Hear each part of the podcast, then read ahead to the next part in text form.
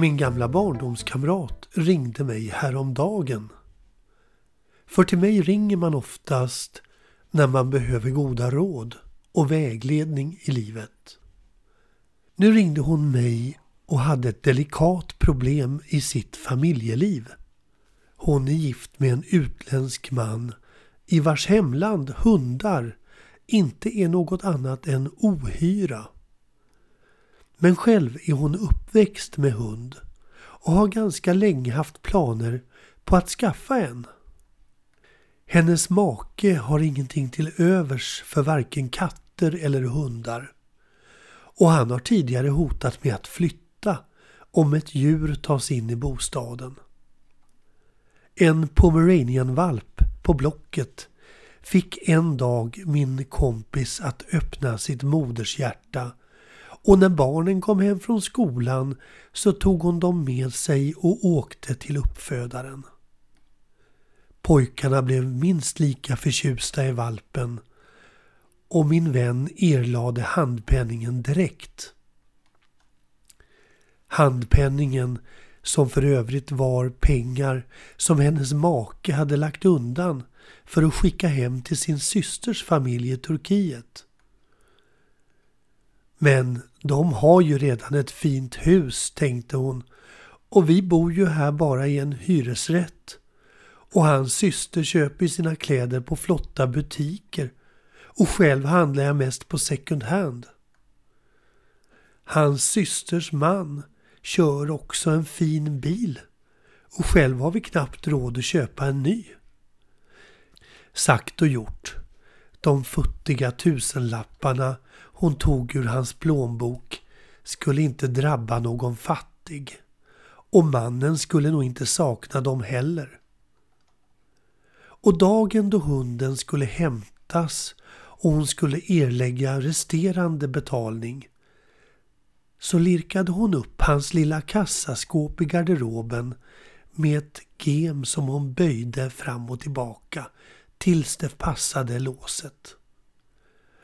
Där inne hittade hon massor av pengar och guld och tog då dubbelt så mycket som valpen kostade som en liten kompensation för att det alltid brukades fattas pengar för henne till hushållskassan. Hon åkte tidigt den morgonen efter det att mannen hade åkt iväg till jobbet och hämtade då upp den lilla bedårande valpen. Och pojkarna som hade svurit på att inte berätta något för pappan, de sprang glatt hemåt från skolan den dagen. En timme innan hennes man skulle komma hem så kände hon plötsligt en stark oro för hur mannen skulle reagera och gömde valpen i köksberedaren och ställde in den i skåpet. Valpen som var trött gnydde först lite men somnade sedan gott i metallskålen. Och när hon stängde köksluckan sa hon godnatt till valpen. Sov så gott. Hennes man var trött och grinig när han kom hem. Arga kunder och bråk på jobbet gjorde att han hade bestämt sig för att laga lite turkisk mat åt familjen. Det lagades turkisk pizza i ugnen och oroligt följde hon och barnen mannens slit. Och så fort han frågade henne eller pojkarna om de ville att han skulle göra en hummus så skrek de nej i kör. Han som visste att de älskade hans hemgjorda hummus, en röra på kikärtor, vitlök och sesampasta. Han började ana oråd. Och visst var det så. För till en hummus så behövs ju en stor matberedare. Och i den sov ju lille Tass, som de hade döpt valpen till.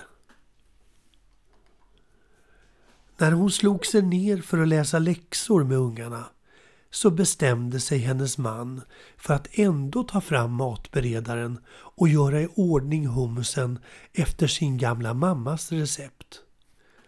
Och när han lyfte ut den från skåpet och ställde den på diskbänken så möttes han av den lilla valpens små pigga ögon. Hjälp! skrek han. Det ligger en hårig råtta i maskinen. Familjen rusade in i köket och såg den skräckslagna maken och pappan som nu hade klättrat upp på köksbordet och skakade som ett asplöv. Åh, vad söt den är, sa pojkarna i kör och lyfte upp valpen ur matberedaren. Snälla pappa, kan vi få behålla råttan?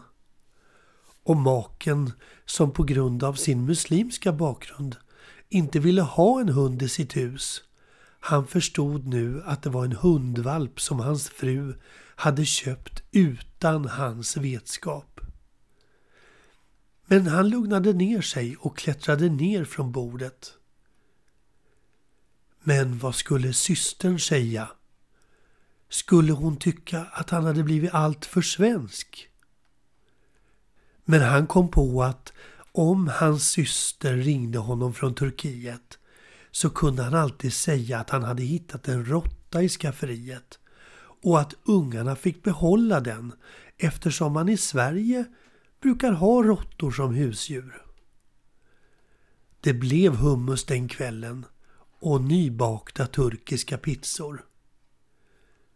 Och visst tyckte han väl att den lilla hunden var rätt så söt. Livet i Sverige hade tydligen förändrat honom, även om han hade svårt att tillstå det själv. Och möjligtvis kommer han nu även att bli medlem i en brukshundsklubb. Men det får framtiden utvisa. Men man ska aldrig säga aldrig. Och de där pengarna som han hade samlat för att skicka till sin syster i Turkiet. De kunde han nu kanske använda till att bjuda barnen och frun på semester istället. Till och med ett hundpensionat skulle det räcka till. Efter middagen tänkte han räkna alla pengarna och ringa resebyrån nästa dag.